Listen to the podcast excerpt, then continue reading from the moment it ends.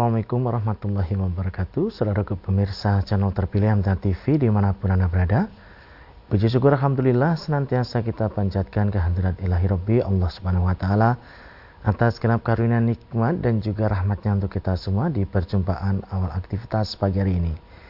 Kita jumpa kembali di program unggulan Fajar Hidayah dan Alhamdulillah sudah hadir Ustaz Sunarno yang nanti akan melanjutkan pelajaran sekaligus memberikan pencerahan kita semua di kesempatan kali ini. Assalamualaikum warahmatullahi wabarakatuh. Ustaz. Waalaikumsalam warahmatullahi wabarakatuh. Kabar baik dan sehat pagi ini Ustaz? Alhamdulillah sehat. Alhamdulillah baik. Dan pemirsa nanti Anda bisa bergabung bersama kami di line telepon yang sudah kami siapkan di 02716793000. SMS dan juga di WA kami di 08 11 255 3000. Kita simak pelajaran kita pagi ini. Bismillahirrahmanirrahim. Assalamualaikum warahmatullahi wabarakatuh. Innal hamdalillah wassalatu wassalamu ala Rasulillah wa ala alihi washabihi wa mawalah. Asyhadu an la ilaha illallah wa la syarikalah wa asyhadu anna Muhammadan abduhu wa rasuluhu la nabiyya ba'dahu ma ba'd. Saudaraku, pemirsa dan mendengar di mana pun berada yang saya cintai, yang saya hormati, Alhamdulillahirrahmanirrahim pagi ini Allah senantiasa curahkan anugerah pada kita sehingga kita diperkenankan mengawali aktivitas kita dalam keadaan sehat walafiat. Saudaraku, pagi ini kita akan berbicara tentang perumpamaan-perumpamaan yang dibuat oleh Allah untuk pelajaran bagi manusia. Allah membuat perumpamaan dalam manusia menjalani kehidupannya yang bermacam-macam keadaan untuk dijadikan pelajaran. Ada yang laki-laki soleh, yang wanitanya tidak soleh ada yang laki-lakinya solih, wanitanya juga solehah. Ada yang istrinya solehah, tapi yang laki-laki tidak soleh. Ada juga yang laki-laki tidak soleh, yang wanita juga tidak solehah. Ini dalam pasangan kehidupan di dunia ini bermacam-macam. Maka kira-kira kita masuk yang mana? Kita mesti ada salah satu di antara empat itu. Maka Allah berfirman dalam surat Tahrim ayat 10 itu sebagai pelajaran bagi hambanya. Allah berfirman, A'udhu billahi minasyaitonir rajim. Daraballahu masalan lilladzina kafaru ra'ata Nuhi wa ra'ata Lut. Allah membuat perumpamaan bagi orang-orang kafir, istri Nuh dan istri Lut. Jadi yang untuk perumpamaan adalah istri Nuh, istri Nabi Lut. Untuk perumpamaan bagi orang-orang kafir. Kenapa? Karena tahta abdaini min ibadina salihain karena istrinya Nabi Nuh, istrinya Nabi Lut itu di bawah pengawasan dua hamba Allah yang soleh. Allah menggunakan kalimat soleh, bukan kenabiannya. Karena kalau orang soleh itu akan selalu ada sampai akhir zaman nanti. Istri yang di bawah bimbingan orang yang soleh, suaminya soleh, selalu dibimbing menuju kepada perilaku yang menyebabkan dikasihi oleh Allah SWT, diridhoi oleh Allah SWT, yang mestinya punya seorang suami seperti ini wajib disyukuri. Wajib disyukuri. Maka betapa bahagianya seandainya seorang istri punya suami yang soleh, yang membimbing, mengarahkan dirinya menuju pada jalan-jalan yang menyelamatkan.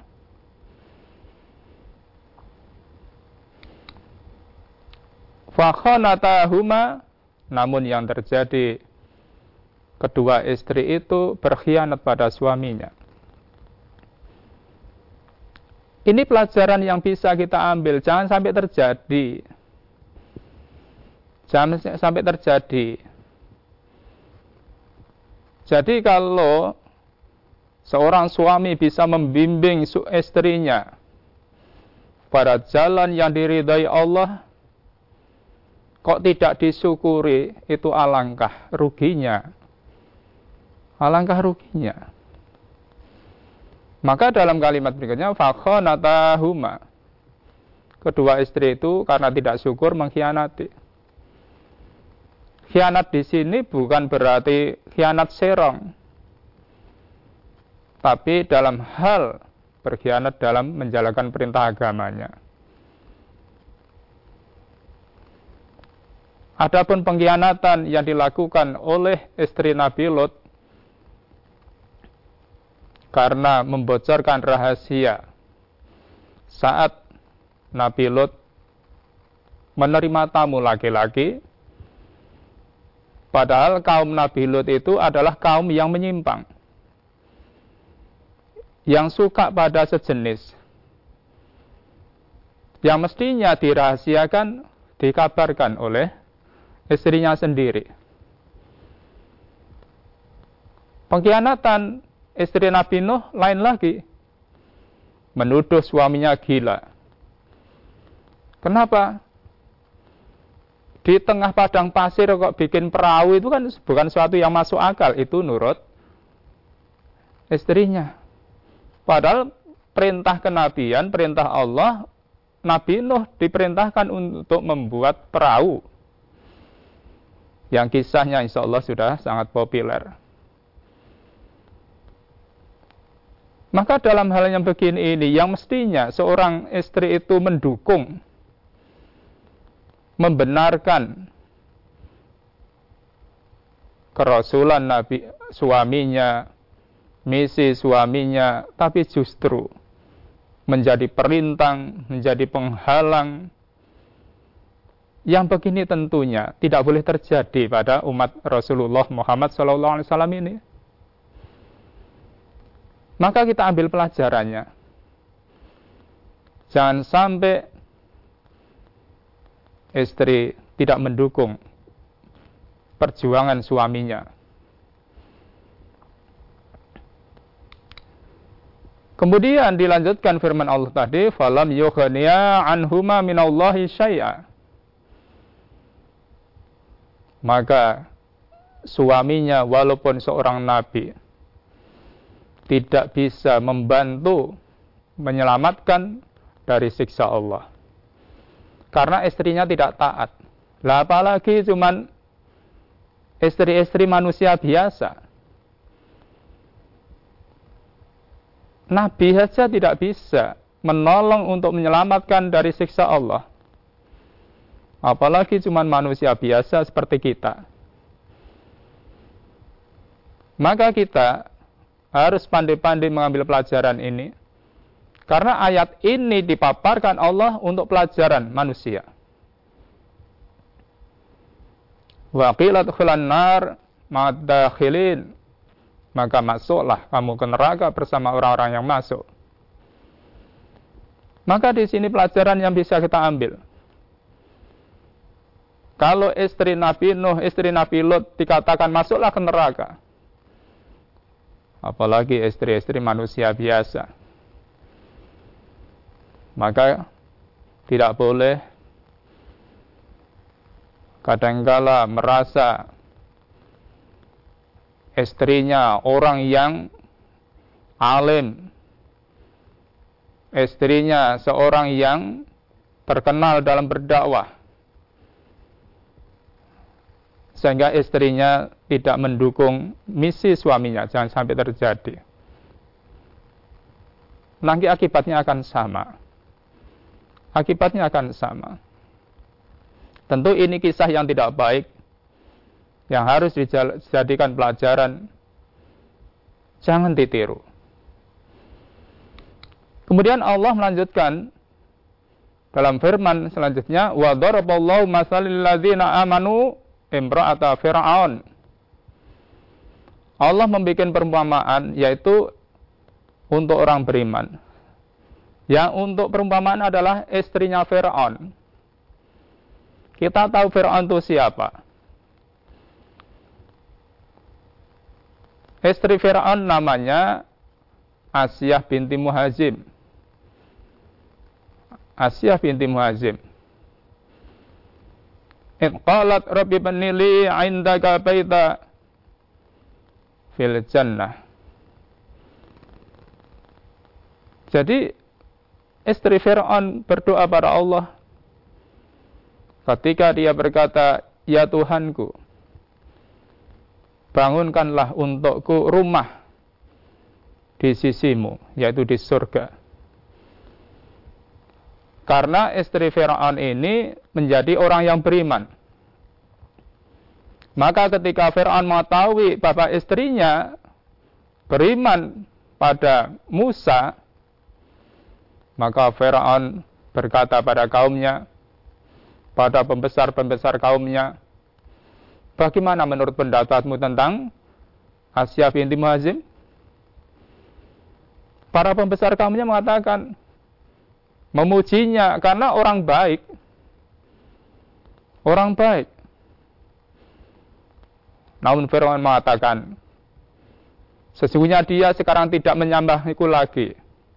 Sudah tidak menyembahku lagi. Karena Fir'aun merasa jadi Tuhan. Maka semua manusia supaya menyembah pada dirinya. Nah ini istrinya tidak mau menyembah karena sudah menyembah pada Allah. Karena tahu bahwa yang menciptakan dirinya yang menciptakan Fir'aun dan alam semesta ini adalah Allah SWT.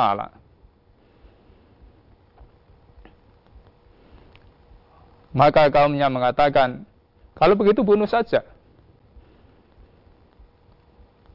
Akhirnya dibuatkan empat fasa.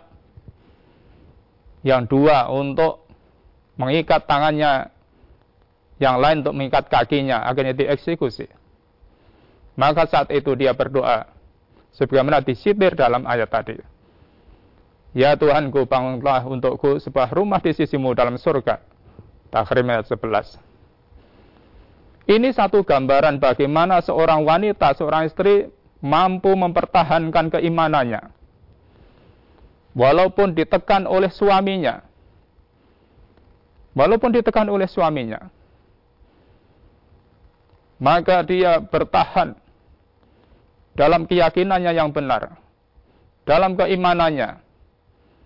Ini satu contoh untuk kita semuanya. Walaupun di bawah tekanan maut, namun keimanan tetap dipertahankan karena yakin bahwa di sisi Allah lebih baik dari apa yang di dunia ini.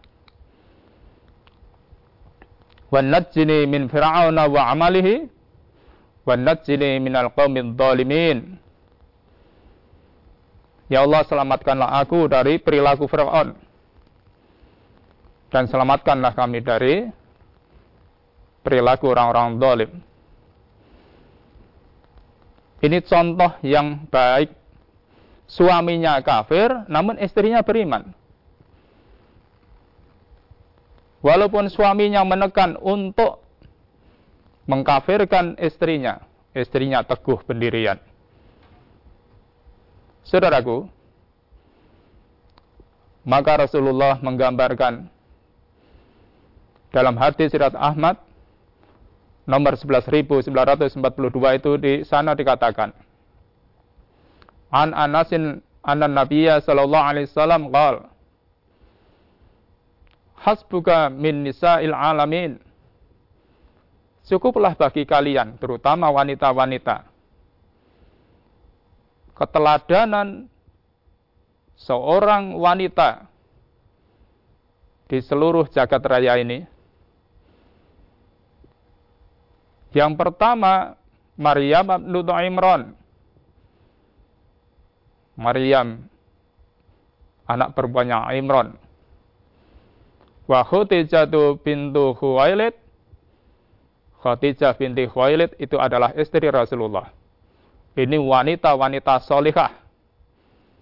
Wa Fatimatu bintu Muhammadin. Fatimah binti Muhammad. Wa Asiyatu imra'atu Fir'aun. Asiyah istrinya Fir'aun. Ini wanita-wanita yang pantas untuk teladan di dunia ini. Ini Rasulullah sabdakan begitu. Dalam hadis yang lain Rasulullah juga menyabdakan Ali bin Abbasin qal khatta Rasulullah sallallahu alaihi wasallam fi ardi arba'ata khututin. Rasulullah membuat empat garis. Qala tadaruna ma hadha? Kemudian Rasulullah bersabda, "Kamu tahu apa ini garis?" Faqalu Allahu wa rasuluhu a'lam. Sahabat menjawab, Allah dan Rasul yang maha yang matawi. Faqala Rasulullah sallallahu alaihi wasallam, afdalu nisa'i alil jannah. Seutama-utama wanita penghuni surga. Khadijah bintu Khuwailidin, Khadijah binti Khuwailid. Wa Fatimah bintu Muhammadin, Fatimah binti Muhammad. Wa Asiyah bintu Muhajim, Muzahim Asia binti Muzahim. Jadi Muzahim ini ayahnya Asia. Dan dia sebagai istrinya Firaun yang ditekan bahkan sampai dibunuh. Itu penghuni surga yang paling utama. Wa Maryam bintu Imran.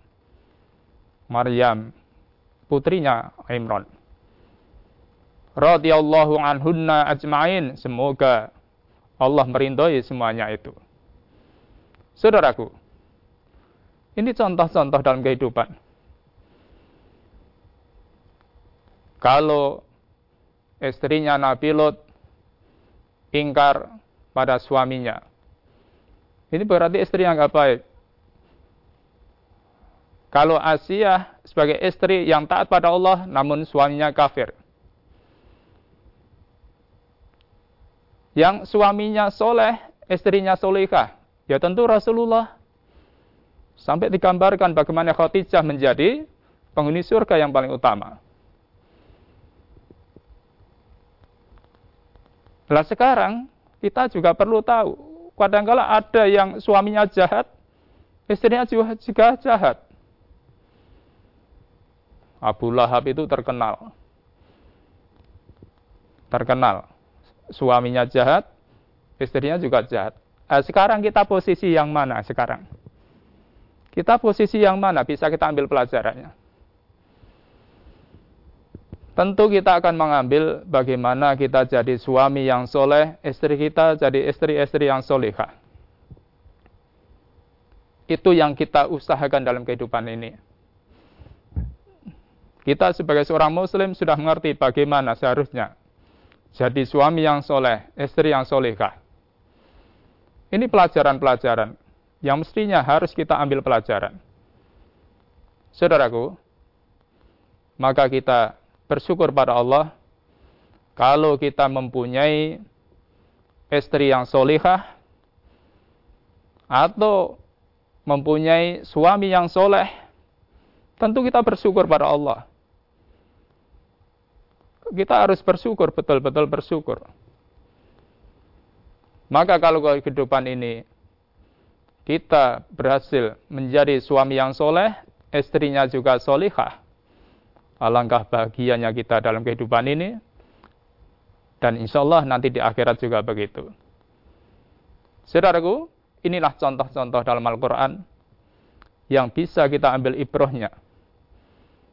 Ada contoh yang baik ada contoh yang tidak baik. Tinggal bagaimana kita bisa mensikapi dalam kehidupan kita ini untuk menghindari contoh yang tidak baik. Kita ambil ibrohnya dan kita bisa mengambil contoh yang baik juga kita ambil ibrohnya. Semoga kita bisa menjalani kehidupan ini dengan bimbingan Al-Quran. Sehingga kita insya Allah dengan begitu akan bisa hidup semakin baik dari hari ke hari.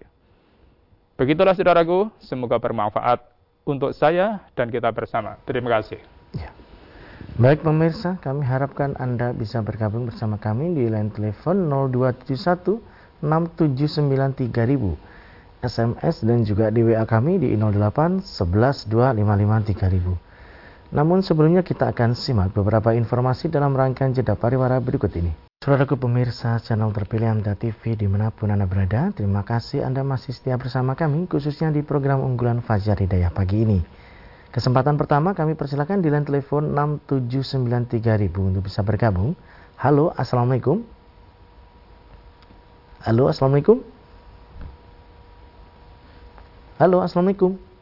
Waalaikumsalam warahmatullahi wabarakatuh. Ya, dengan siapa di mana Ibu? Dari hamba Allah di Pacitan, Mas. Silakan. Assalamualaikum warahmatullahi wabarakatuh, Ustaz Sumarno. Waalaikumsalam warahmatullahi wabarakatuh. Monggo Ibu di Pacitan. Uh, begini Ustaz, uh, saya dulu itu bersama suami itu suaminya nggak kenal agama sama sekali. Terus yang jelas kita itu dalam keluarga itu yang jelas apa namanya kita tuh selalu pokoknya dosa-dosa kemusyrikan segala macam itu ya ajaran dari suami seperti itu. Pokoknya berkelimang yang jelas jalan-jalan yang nggak benar semuanya. Apa ajarannya sama istri itu yang nggak benar yang nggak benar begitu.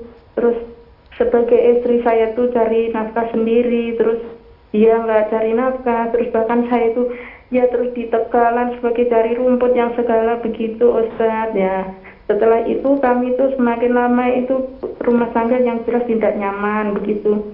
Terus saya tuh kadang kalau di Tegalan duduk ngadu sama Allah ya Allah bagaimana saya seperti ini? Dan kapan saya mau dapat jalan yang benar? begitu. Ya akhirnya lama-lama bertahun-tahun kemudian semakin berlalu. Akhirnya kita putus. Dan kita putus setelah itu Alhamdulillah saya itu mengenal dengan kajian MTA ini. Setelah mengenal kajian MTA, saya alhamdulillah sangat bersyukur sama Allah ketemu suami sama-sama di kajian di MTA. Dan alhamdulillah kini rumah tangga nyaman. Cuma saat ini saya banyak diuji tentang sakit, tapi saya ya saya hadapi dengan sabar gitu aja.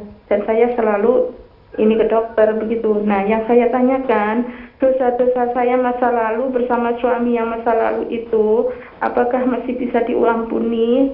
Dan tolong tausiahnya dari dari Ustaz. Terima kasih gitu aja. Assalamualaikum warahmatullahi wabarakatuh. Waalaikumsalam warahmatullahi wabarakatuh.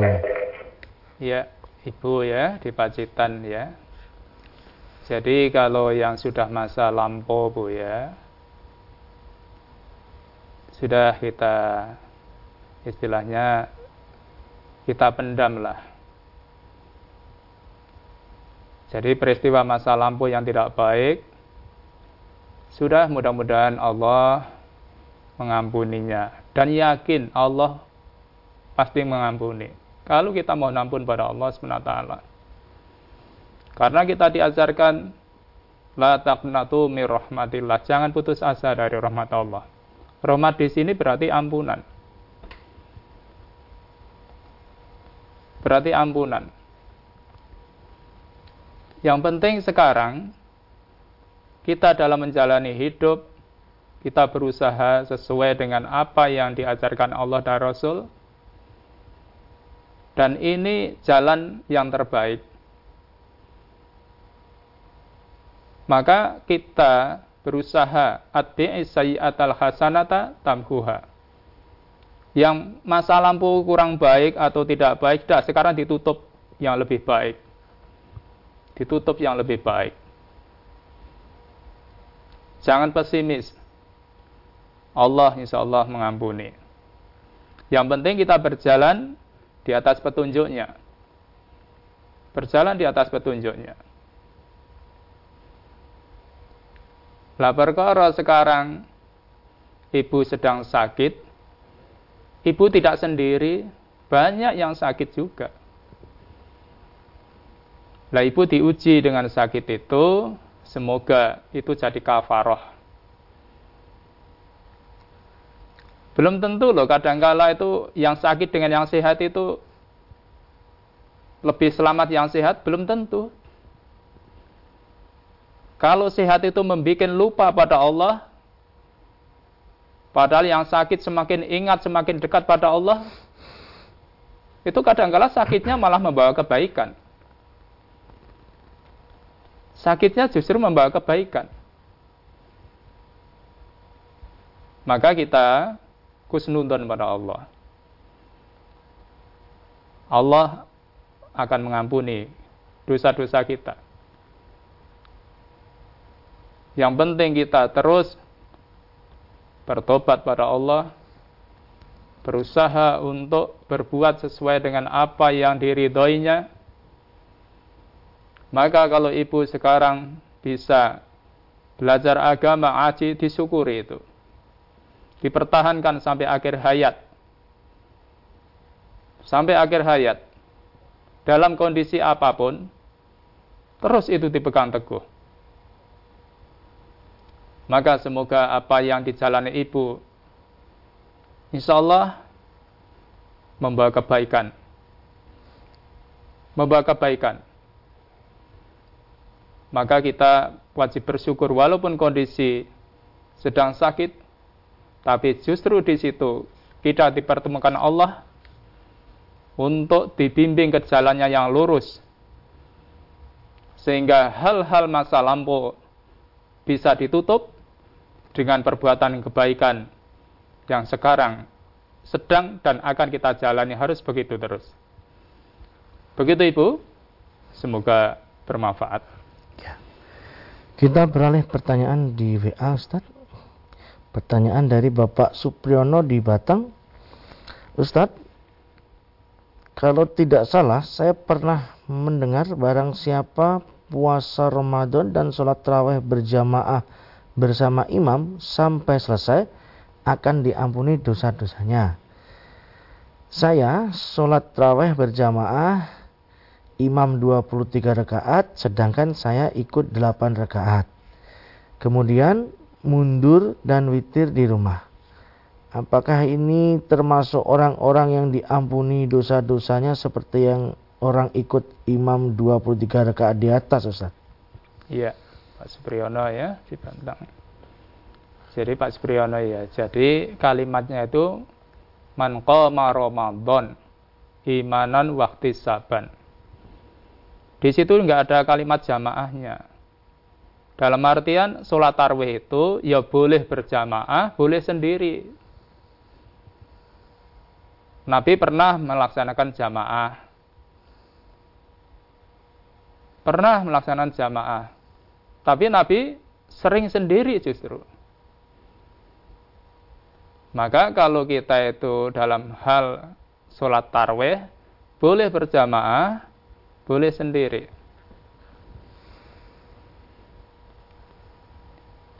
Maka kalau kita menghidup-hidupkan di malam bulan Ramadan dengan sholat malam, insya Allah, gufirollahu mattaqaddama min tanbih itu insya Allah kita peroleh. Kalau betul-betul kita hayati dengan sebaik-baiknya.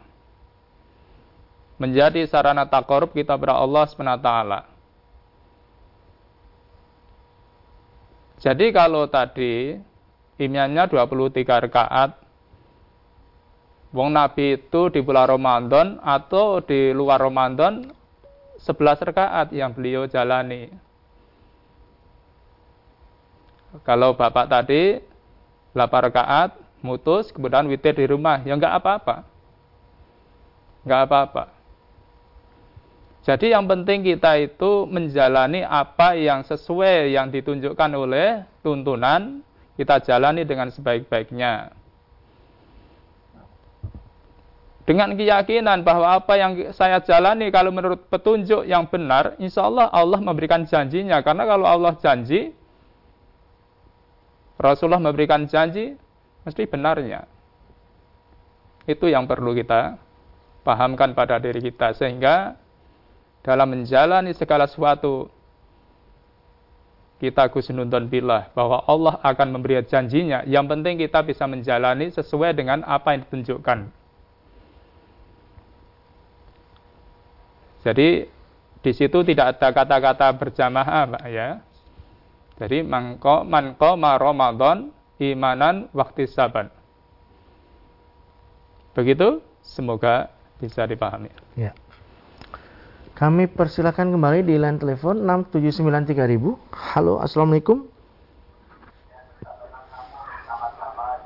Halo, Assalamualaikum. Waalaikumsalam warahmatullahi wabarakatuh. Ya, dengan siapa di mana Ibu?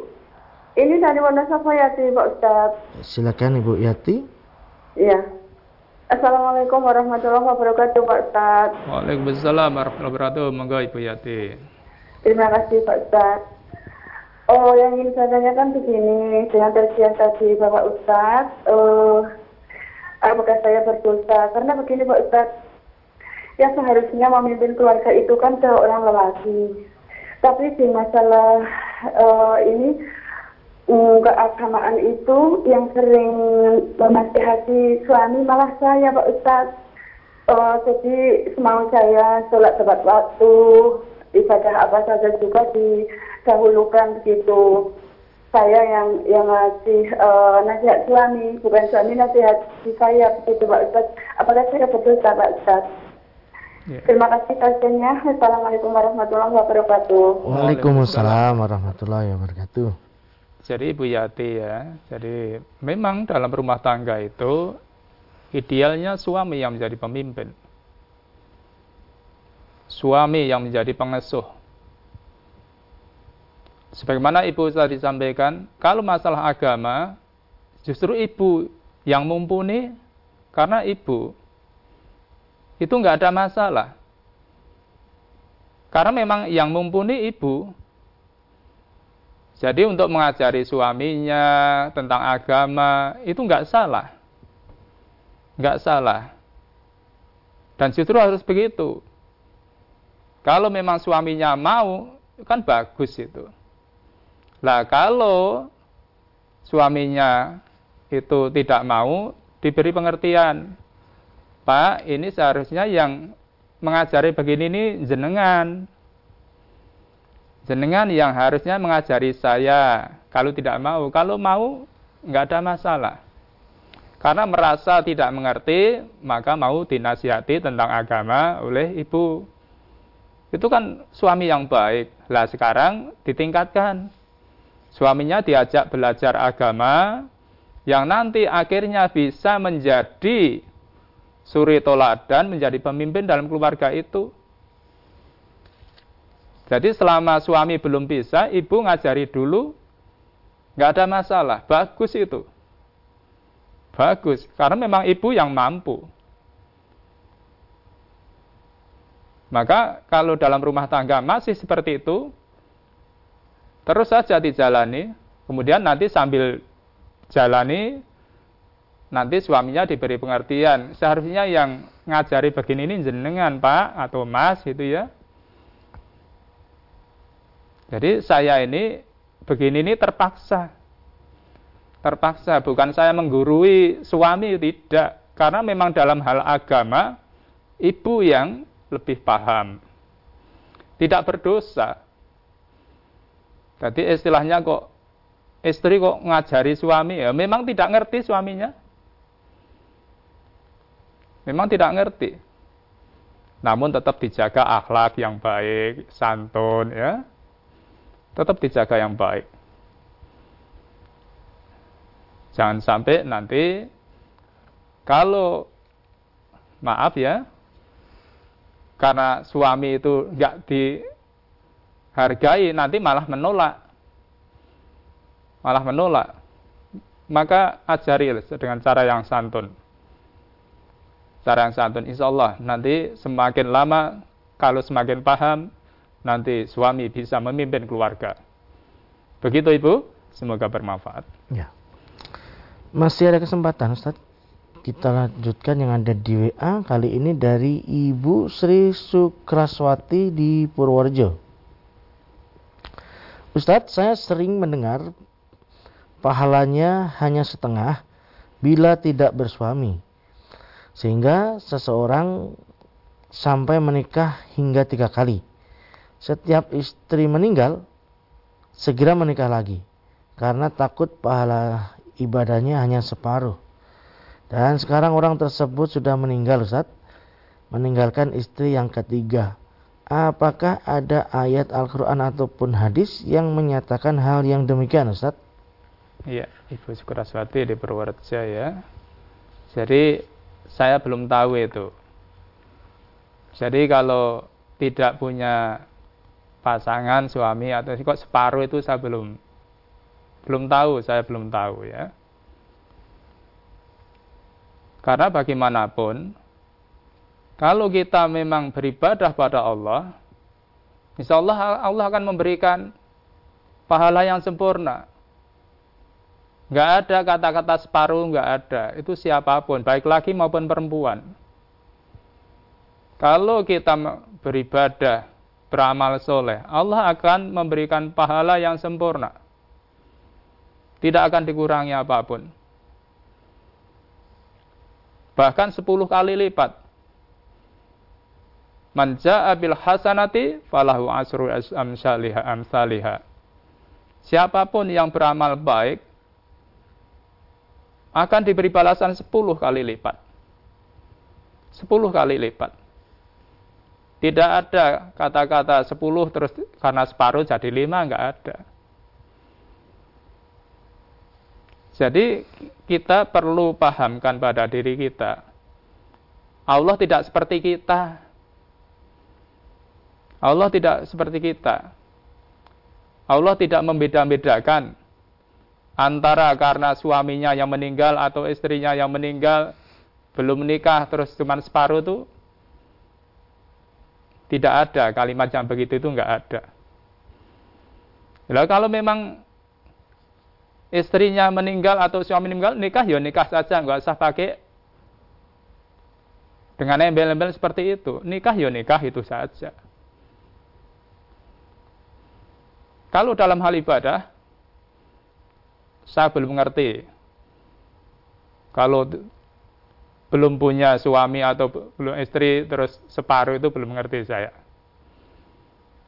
maka kita selalu kusnudon pilah Allah nggak seperti kita kok. Nggak seperti kita. Bahkan Allah itu dalam memberikan kebaikan itu selalu sempurna. Sempurna. Maka kita nggak perlu kecil hati umpamanya ya, umpamanya belum mendapatkan suami kalau seorang wanita yang ditinggal mati oleh suaminya atau sebaliknya. Ibadah tetap kita jalani. Karena bagaimanapun jangan sampai justru nanti kesusu nikah justru hidupnya kurang bagus kalau nggak tepat dalam memilih pasangannya ya begitu ibu semoga bisa dipahami ya. satu lagi Ustaz yang ada di SMS Ustadz mohon tausiahnya dari Bapak Heri di Depok. Ustadz mohon tausiahnya mengenai perbudakan di dalam Islam itu bagaimana Ustadz?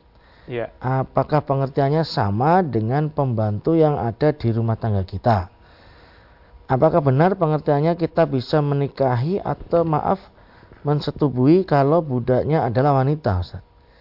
Ya. Mohon dijelaskan saya sedang memberikan pengertian tentang Islam kepada saudara saya yang belum mendapatkan hidayah untuk beriman. Ya, Pak Heri di Depok ya. Jadi perlu saya luruskan ya. Dalam Islam tidak ada perbudakan. Islam itu justru menghapus perbudakan. Karena perbudakan itu terjadi pada zaman jahiliyah. Jahiliyah maka salah satu sasaran zakat kan salah satunya untuk memerdekakan budak. Jadi perlu dipahami, Islam tidak ada perbudakan, nggak ada. Justru Islam itu menghapuskan perbudakan. Ini harus kita pahamkan.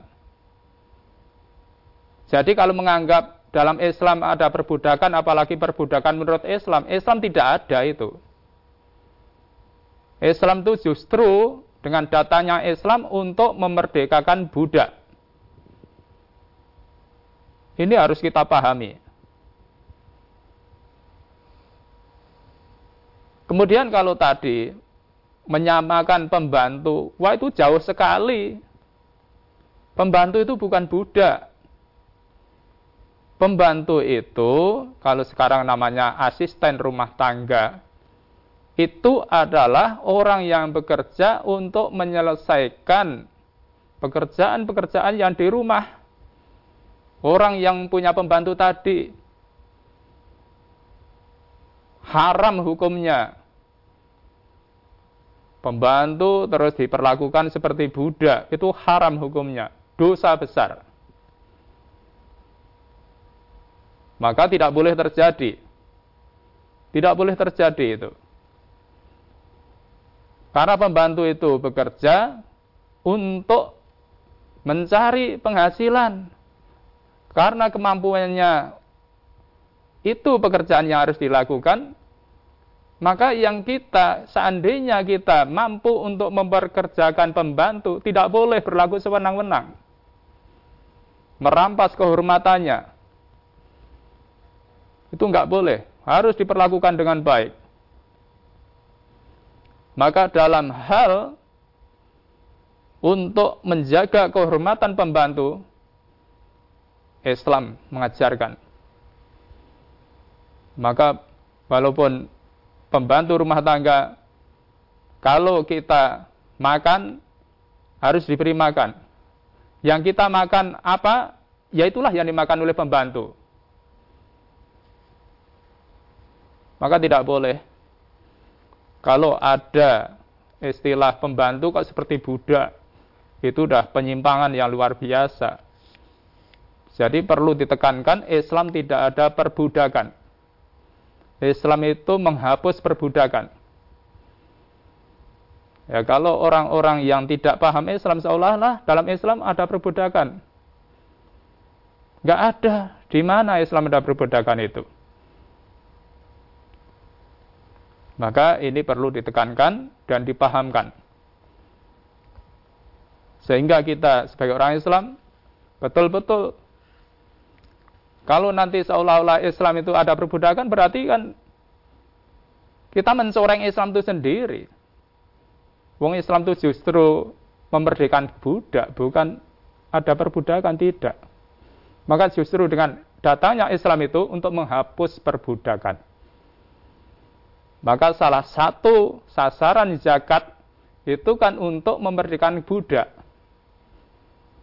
Maka semoga Bapak bisa memahamkan pada saudara itu, jangan sampai pembantu terus diperlakukan semena-mena. Begitu, semoga bisa dipahami. Ya, baik Ustadz, kami sampaikan terima kasih atas pelajaran dan tausiahnya di kesempatan pagi ini Ustadz. Ya. Assalamualaikum warahmatullahi wabarakatuh. Ustaz. Waalaikumsalam warahmatullahi wabarakatuh. Baik saudaraku pemirsa channel terpilih MTA TV di mana pun Anda berada Demikian tadi telah kita simak dan ikuti bersama Program unggulan Fajar Hidayah di kesempatan pagi kali ini. Dan kita jumpa di kesempatan mendatang. Saya Tommy Al-Fatani pamit undur. Alhamdulillah Alamin. Subhanakallahumma wa bihamdika. Asyadu alla ilaha anta. Astaghfirullah wa Assalamualaikum warahmatullahi wabarakatuh